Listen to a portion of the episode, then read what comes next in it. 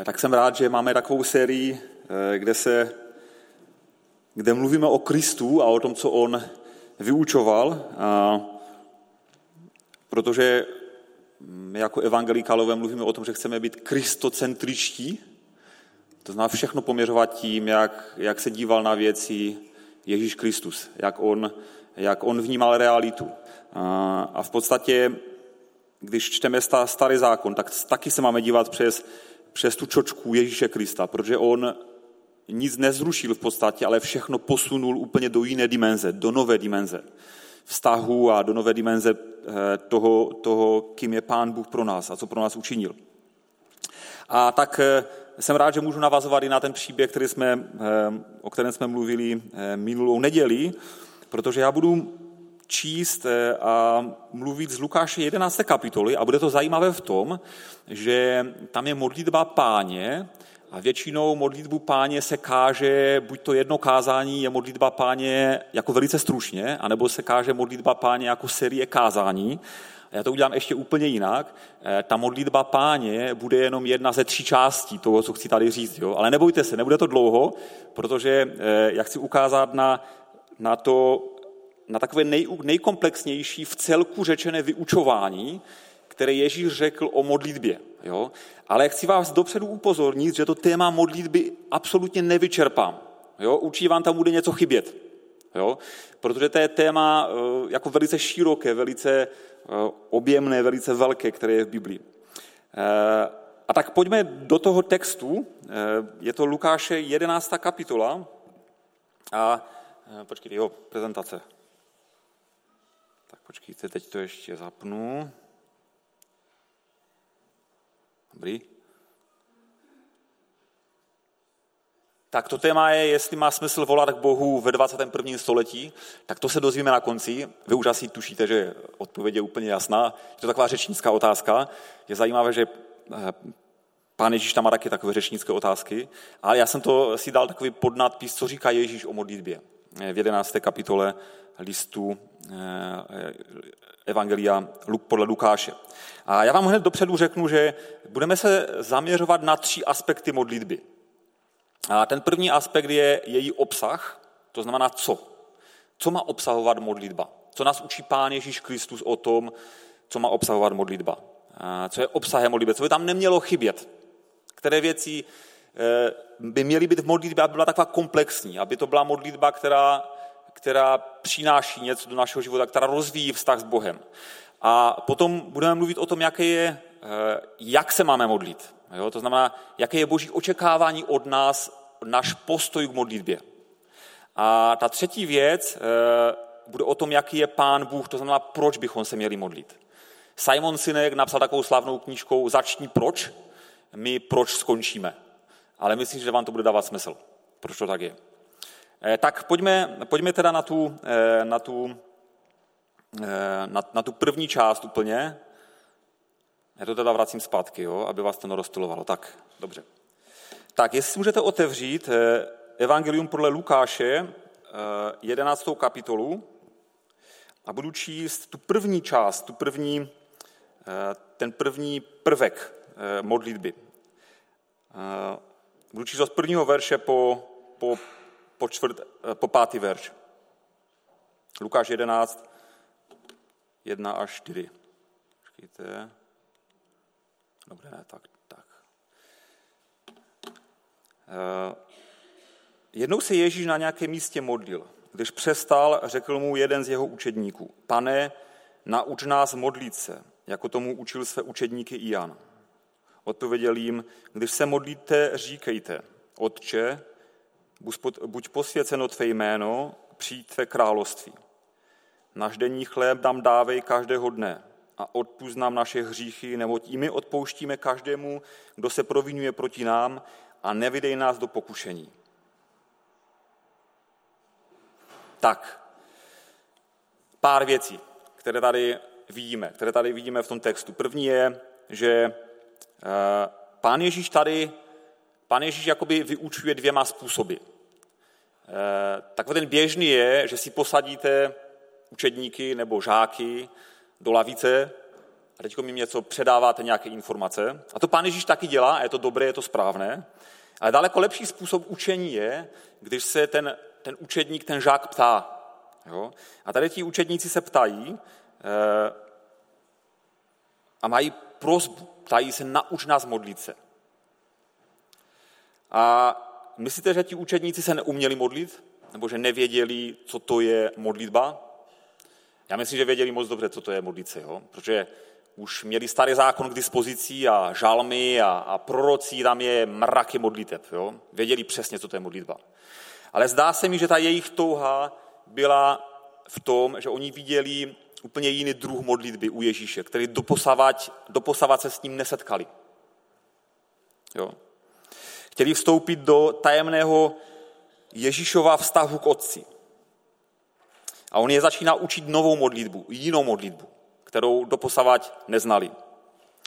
Je tu ještě jeden prvek. Eh, všeobecně se říká, že se nemáme porovnávat a nemáme, eh, nemáme eh, jakoby říkat, jako tento má, tak já to taky chci mít, ale tady je v pozitivním slova smyslu řečena taková myšlenka, nauč nás to tak, jak to Jan učil své učedníky. Jo?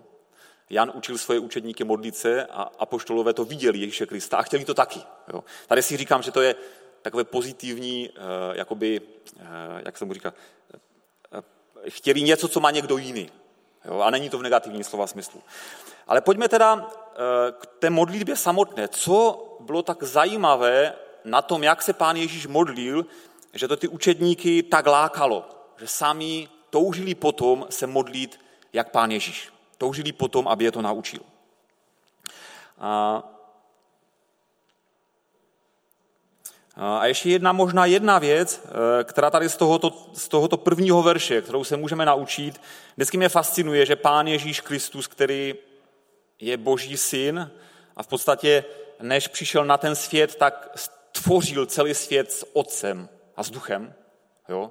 Jenom na kratičko tady přišel na tuto zem, že měl tak obrovskou potřebu se modlit a bylo to pro něho tak strašně důležité. Jo. Říkám si, a on je boží syn, eh,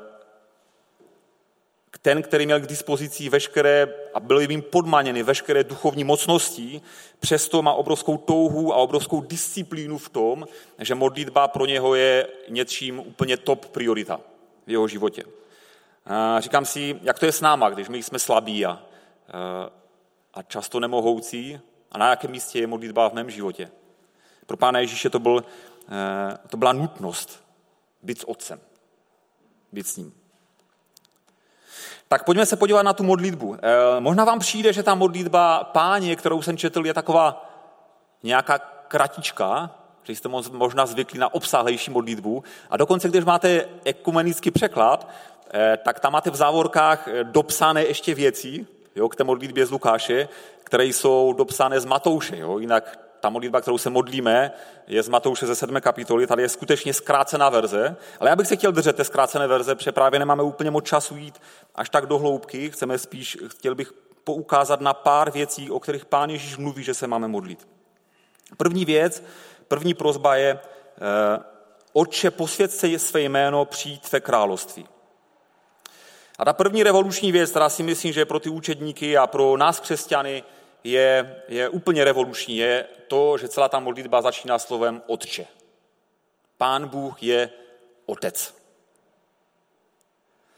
A Pán Ježíš vnesl toto úplně nové pojetí Pána Boha právě tím, že nám zpřístupnil Boha úplně takovým způsobem, jak už víc to nejde zpřístupnit. Máme přístup k Bohu a čteme v Efeským a na různých místech v Novém zákoně, co se stalo s naším životem, když jsme se obrátili, když jsme přijali Ducha Svatého. Jak moc, jak moc darů jsme přijali do svého života. A jeden z těch nejcennějších darů, který jsme přijali, je, že můžeme být dětí Otce. Když Bůh je naším Otcem, je to ten největší dar, největší vysada, že my můžeme být jeho dětí. Vztah otce a dětí je jeden z nejvíce formujících vztahů, který člověk může na světě prožít. A já si to představuju tak, že e, otec je ten, který nás může velice pozitivně formovat, ale taky negativně formovat. Když není v životě člověka, tak, tak to je většinou vždycky negativní formování, protože tam není žádné formování. Ale my, my budeme dál číst právě, jaký je ten otec. Necháme to potom nakonec. Protože to je zajímavé, že celý te, celá ta řeč Krista o, o modlitbě začíná o otci, ale končí o otci. Jak by to bylo něco, co to jakoby otevírá, ale i uzavírá. Jak by to byl nějaký kruh, do kterého se ta modlitba a všechno, co Pán Ježíš chce v té 11. kapitole říct o modlitbě, jakoby vsunula do kruhu, která je oblemována slovem otec, tatínek. Někdo blízký, někdo, kdo, kdo mě chrání, kdo pomáhá tomu, abych mohl růst. Představuju si to tak, že, že eh, ten otec, o kterém tady čteme v té modlitbě páně, je spíš otec malého dítěte. Představuji si to tak, že to je, že já jsem jako ten Benjamin, můj syn, který má 10 roků, který je naivní, který neví, který, který nevidí tu budoucnost, který nezná. Ale já jako otec, když s ním mluvím, tak už vím některé věci. A to jsem pozemský otec, který není zdaleka dokonalý. Podsvěd se jméno tvé. Eh, tady je cítit veškerý Ježíšův obdiv otcově krásy a velikostí a je tam touha, aby jej všichni uznali a měli rádi kvůli tomu, kým opravdu je. Přijď království tvé. Chceme, aby my jsme se znovu zrodili do božího království. A v té modlitbě chceme, aby to boží království, kterém už jakoby duchovně jsme, se stalo součástí našeho pozemského života. A to je ta první věc, o které, eh, kterou ta modlitba obsahuje. A to je ta adorace, to je ta chvála, to je to uznávání toho, kým otec je. Poznávání otce. To by mělo být první věc v našich, v našich modlitbách. Přiblížit se k němu jako k otci. Nechat ho působit na náš život. A pak je tam ta e, druhá myšlenka, taková ta praktická. To, co, si, e, to, co často jakoby moje modlitba obsahuje možná nejvíc. Ty prozby. Chleb náš vezdejší, dej nám každý den. A, a to je výraz toho, e, že jsem zranitelný člověk, který žije ze dne na den, ale se kterým ale který, který má nějaké fyzické potřeby, nějaké praktické potřeby. A tyto praktické potřeby Pána Boha zajímají. Nejsou to míň duchovní věci. Máme se modlit za praktické věci našeho života, za obživu, za ty úplně obyčejné věci. Chleb náš vezdejší, dej nám dnes. To je, modlit, to je nejzákladnější modlitba zranitelných lidí. Uznávám, že jsem zranitelný a nevím, co bude zítra, ale pane, ty to víš. Další věc, kterou čteme v této modlitbě, je a odpust na naše hříchy, nebo my i my odpouštíme každému, kdo se provinuje proti nám. V této části modlitby si uvědomuji svoji nedokonalost. To, že jsem a budu nedokonalý. Erázim Kohák, takový slavný psycholog, teď eh, je pořád v televizi s ním, řekl, že největší, a to je prostě fakt, že největší důvod, proč lidé mají deprese a proč mají stresy, je touha po dokonalosti. A já tady můžu uznat, že já nejsem dokonalý, pane. Já, já zraňuji a jsem zraňován. A většinou to nechci. Nechci zraňovat, ale přesto zraňuji. Jsem nedokonalý a potřebuji odpuštění. Ať už chodíš s Pánem Bohem rok, nebo deset let, nebo dvacet let, eh, potřebujeme přijímat odpuštění od Pána Boha, ale potřebujeme taky odpouštět těm, který, se proti, který nám něco udělali, ale potřebujeme taky si uvědomit, že my taky zraňujeme druhé lidi. Dokávat jsme na této zemi, bude se to prostě dít. A máme to přinášet před Pána Boha. Uvědomujeme si svoji nedokonalost. A samozřejmě je tam ten prvek toho, že tako ta vzájemná závislost toho, že eh, to boží odpuštění je svým způsobem podmíněno tím naším odpuštěním. Je to ta část modlitby, kdy se modlíme za vztahy, za vztahy s druhýma lidma. A pak tam je ta poslední část, neuved nás do pokušení, do zkoušek. A tady si uvědomuji, že jsem slabý. Že jako lidé jsme slabí. A potřebujeme Boží pomoc v těch, v těch situacích, ve kterých, ve kterých jsme. Potřebujeme pomoc, aby to posvěcení, to, jak to, za co se modlíme v té první části modlitby, modlitby se mohlo uskutečňovat v našem životě. A proto můžeme mluvit s Pánem Bohem jako se svým otcem o svých slabostech, o věcech, kde se nám nedáří o věcech, ze kterých máme strach. O věcech, o kterých potřebujeme, aby proměnil v našem charakteru. Takže to je modlitba páně, je to velice rychle, ale možná, že tyto čtyři prvky nám pomůžou se lépe modlit, se lépe přiblížit k Pánu Bohu. Lépe pochopit to, co všechno Pána Boha zajímá v našem životě. A teď bych šel na tu další část. Eh, a někdy to je tak, že vyučujeme jenom tuto část a jenom tu přední a mi se líbí, že dneska to můžeme propojit. Protože teď se budeme mluvit o tom, jaké je boží očekávání, to znamená, jaký má být náš postoj, co zatím jako má, má být. A budu číst od pátého verše e, po desátý verš a už jsme teďkom, bude to zajímavější, bude to příběh. Velice napínavý příběh. Zkuste se do něho vžít. Potom jim pán Ježíš řekl, kdo z vás má přítele, za kterým přijde o půlnoci s prozbou? Příteli, půjč mi tři chleby. Navštíví mě přítel, který je na cestách a nemám, co bych mu nabídl. A on mu zevnitř, odpoví. Neobtěžuj mě, dveře už jsou zamčené a děti jsou se mnou v posteli. Nemohu vstát a něco ti dávat. Říkám vám, i kdyby nevstal a nedal mu to kvůli jejich přátelství, nakonec se zvedne a dá mu to, co potřebuje kvůli jeho neodbitnosti. Tak vám pravím, proste a bude vám dáno, hledejte a naleznete, tlučte a bude vám otevřeno. Každý, kdo prosí, dostává, kdo hledá, nalézá a k tomu, kdo tluče, bude otevřeno. To patří k té modlitbě páně, bratři a sestry. Eh, představte si jako toho člověka, který spí, který je otravovaný někým.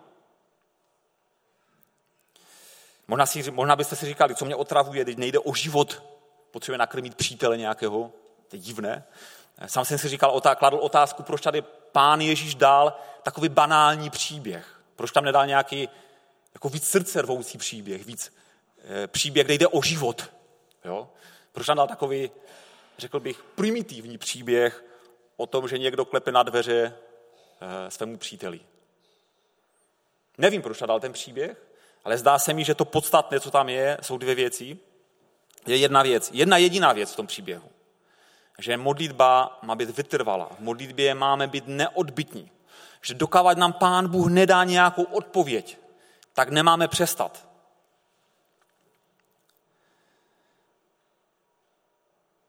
Nemáme se nechat odradit. Uh, úplně a je zajímavé, že když čteme Evangelia, tak podobné, těch podobných příběhů tam je víc. Jo? Mimochodem eh, v Lukáši 18. kapitoli je, ta, je velice podobný příběh o vdově a soudci. Je tam úplně stejný princip. Jo? Akorát tady v tomto příběhu se zdá, jakoby eh, ten člověk, který prosí, neprosí pro sebe, on nechce chleba pro sebe, ale prosí pro někoho druhého. Jo? Pro někoho druhého. Jde mu o, o to, aby ten jeho přítel dostal najíst. Jo? To znamená, modleme se za druhé lidi vytrvalě a neodbitně. A v tom příběhu eh, z 18. kapitoly jde o vdovu, která prosila o spravedlivé řešení problému pro sebe. A myslím, že ať už to je tak nebo tak, tak prostě máme být vytrvalí, neodbitní, máme otravovat Pána Boha. Jo? A možná nejde o nějakou života důležitou věc, jako nejde o život a o smrt, jako v tom příběhu, ale jde o něco, na čem nám záleží. A máme tak dlouho otravovat Pána Boha, on to tady vyloženě říká, Pán Ježíš, jo? to není z mojí hlavy, já to jenom interpretuji, co je v Biblii, jo? prostě otravujte mě v podstatě. A myslím si, že ten aspekt toho otravování a toho, té vytrvalosti není v tom, že si to musíme vydupat, to, co prostě chceme. Já chci ten, já chci ten uh, nový iPhone, nebo chci mít ten pěkný dům, nebo chci se mít tak dobře, jak můj soused, ale když já ty věci předkladám Pánu Bohu, tak vcházím v dialog. Začínám s Pánem Bohem diskutovat prostě. Mluvím mu ty svoje potřeby, to svoje srdce a on může něco, něco měnit v mém životě. Přemýšlel jsem o tom, eh, co je největší nepřítel vytrvalosti v modlitbě. A myslím, že to je přesycenost, dekoncentrace, rozptýlenost. Příliš mnoho věmů, které musíme redukovat. Často to jsou věmy z různých obrazovek. nebo, nebo věcí v životě, které, prostě, které, které, které se snaží zaplnit to místo, které máme dát modlitbě. Uvědomme si, že modlitba je rozhovor s Bohem a, a může, a jeden z aspektů modlitby je ten, že se máme modlit neustále. Ale pak je ta modlitba, která by měla mít úplně klíčové místo v našem životě, že si uděláme čas na Pána Boha. A já jsem tady jako ten, který nechce poučovat, protože pro mě samotného to je obrovské poučení, protože já jsem rozstylován strašně moc, extrémně. Možná jsem na tom daleko líp než vy. Nejsem úplně modlitebník, že mě to strašně bavilo se modlit. Ale vím, že když si ten čas udělám, když vyhodím některé věci ze svého života, abych se modlil, že to, že to přináší požehnání do života. A máme všichni 24 hodin denně, věřící, nevěřící, tak či onak, nejspravedlivější surovina, nej, nejspravedlivější, eh, jak to říct, věc, kterou jsme od Pána Boha dostali, je čas. Úplně všichni máme stejně. A pokud my jako křesťané chceme tam dát jako nějaký čas pro modlitbu, tak, tak ten čas si musíme někde urvat, někde, někde uhospodařit.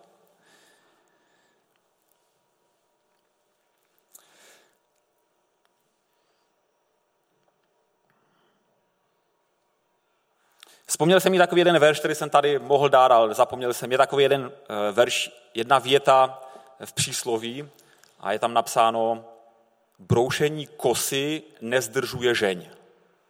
Mně se strašně líbí, protože si myslím, že to je přesně o modlitbě.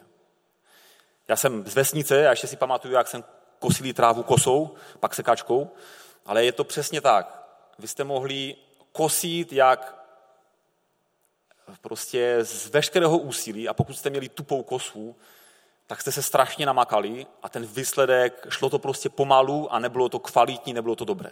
A bylo třeba se zastavit, nekosit chvíli, zdá se, že to je neproduktivní čas. Protože tráva nejde dolů, ale prostě vybrousíte tu kosu a potom najednou můžete jet. A škoda, jsem to tu nedal, jako aby, abych to nějak zdůraznil, ale prostě teď mi to přišlo na mysl, že to je přesně modlitba. Se zdá, jakoby to bylo něco takového, co můžeme vždycky odsunout ze svého života na kraj, nebo nechat na večer, nebo někdy později, a často to někdy později znamená, že, že už skoro nikdy. A, ale, ale pán Ježíš by nemohl sloužit, kdyby si neudělal ten čas s otcem kdyby s ním nepobyl trošičku nějakým způsobem. Myslím si, že ta neodbitnost, o které tady čeká, eh, čteme, je, je otázka prostě našeho návyku, nějaké systematičnosti. A pojďme na tu třetí, třetí aspekt modlitby.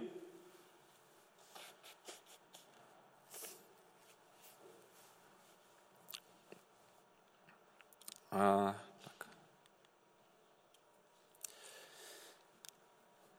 pak je ta otázka, proč.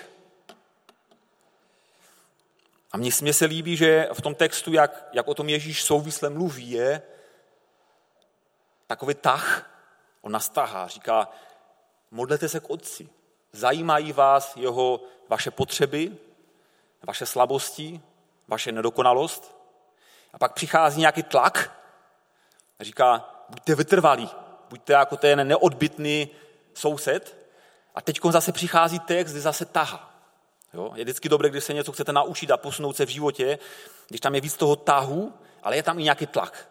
Je tam i něco, co nás trošičku přitlačí a, a, a, a řekne nám, že musíme jít v 8 ve škole třeba, nebo v 7 v práci. Jo? Ale pak tam je toho tahu hodně, že nás to baví, že vyděláme dobré peníze. Jo? A je dobré v životě, když je víc těch věcí, které nás tahají, a ne víc těch, které nás tlačí. A tady to je krásné v tom textu, v té 11. kapitole, že tam je tah, nádherný, úžasný, modlitba páně, pak tam je trošičku toho tlaku, buďte neodbitní, a teď tam je ten tah, úžasný, a vracíme se zase k tomu otci. Eh, Lukáš 11. kapitola od 11. po 13. verš budu číst. Který z vás otců podá svému synu hada, když tě prosí o rybu, a když poprosí o vejce, podáš mu snad štíra? Jestliže tedy vy, kteří jste zlí, umíte svým dětem dávat dobré dary, čím spíše váš nebeský otec dá ducha svatého těm, kteří ho prosí?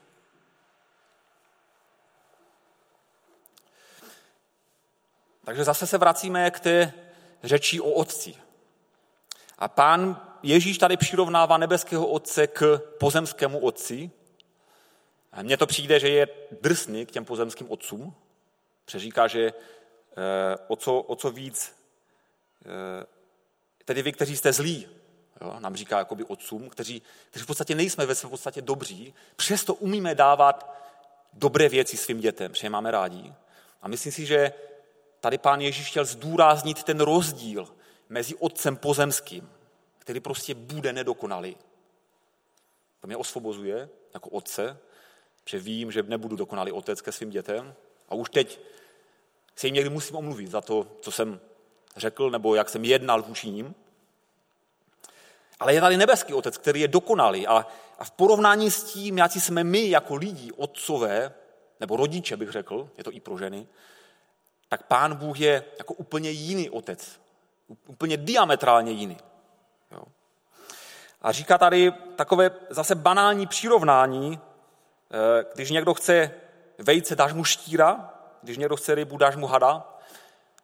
Prostě neuděláš to jako otec. Nedáš svému dítěti něco horšího, než to, to, co víš, že potřebuje, to, co víš, že o tobě žádá. Tak stejně to neudělá otec.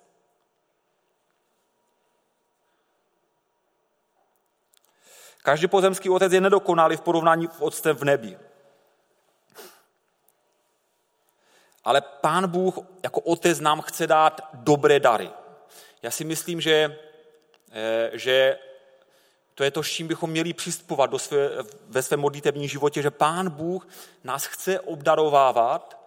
Problém je v tom, že my máme svoje představy o tom, jak to má udělat a on má svoje představy, jak to má udělat. A ty jeho představy jsou daleko lepší.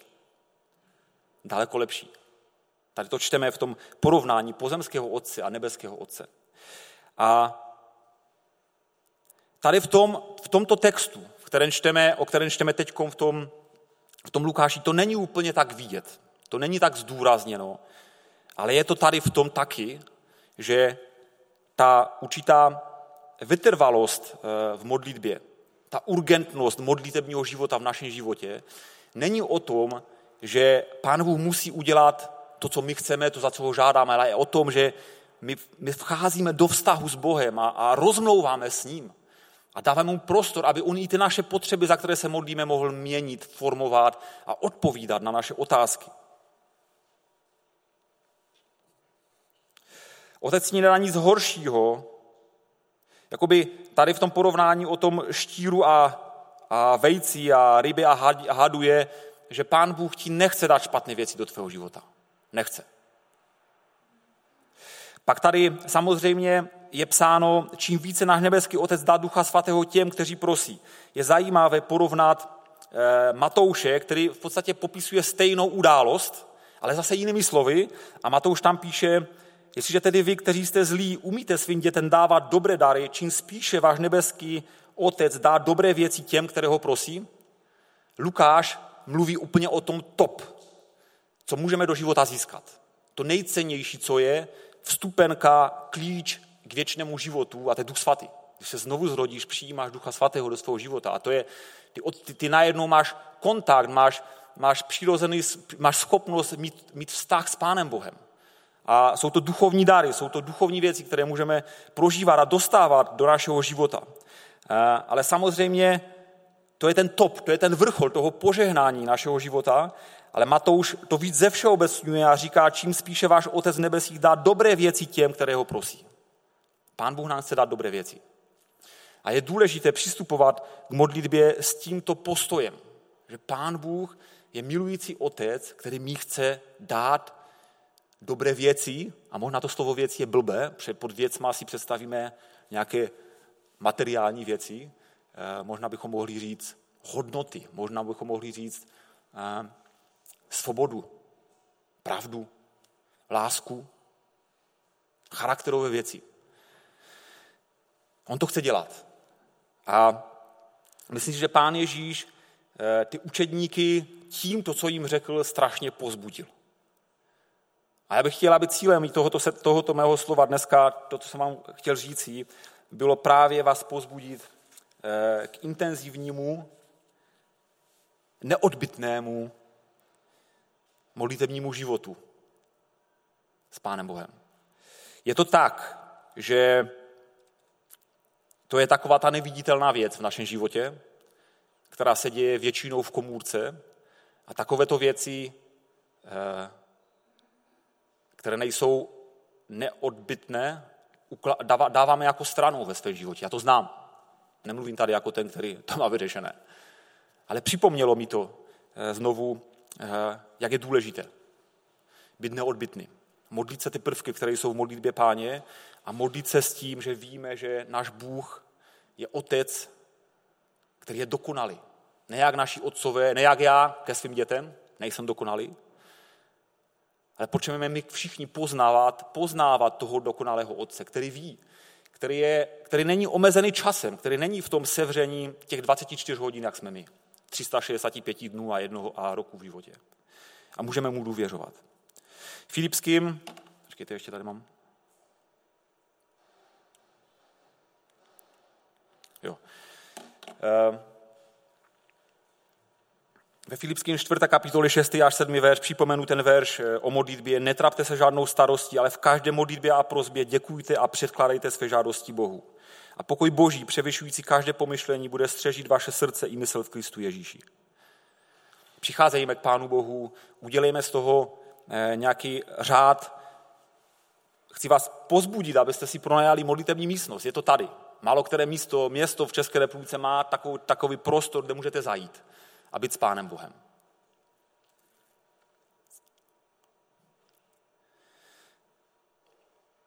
Dva citáty bych rád přečetl. Eh, jeden kardinál řekl pěknou větu o modlitbě. Jednoho dne budeme Pánu Bohu děkovat v nebi za to, že nevyslyšel naše modlitby tak, jak jsme, jak jsme chtěli my, ale jak chtěl on. A Soren Kierkegaard, dánský spisovatel, filozof, teolog, napsal, úkolem modlitby není ovlivňovat Boha, ale spíše měnit povahu toho, kdo se modlí. A k tomu je třeba neodbytnost. Uvědomění si, že Bůh je otec, který chce dávat dobré dary. A my jsme o tom moci slyšeli minulé kázání a myslím, že to navazuje na sebe krásně. Eh, tak ať vám Pán Bůh žehná a přeju vám, aby, jste mohli, aby jsme mohli já proniknout do toho tajemství hlubokého eh, vztahu s Bohem, který můžeme prožívat právě skrze modlitbu a mnoho vyslyšených modliteb. A díky moci za ta svědectví, které jsme tady mohli slyšet, kdy Pán Ježíš skutečně vyslychá modlitby eh, někdy velice konkrétně a někdy to dělá tak, že po čase zjistíme, a většinou v mém životě to tak je, že jsem si některé modlitby psal a za roky se podívám náhodně na nějakou modlitbu, kterou jsem si napsal a říkám si, ty brďo, teď já už se tu modlitbu nemodlím, tyjo, protože už se ji nemusím modlit. Protože pán Bůh vyřešil věci. Možná jinak, ale mnoho věcí vyřešil Eh, vyřešil.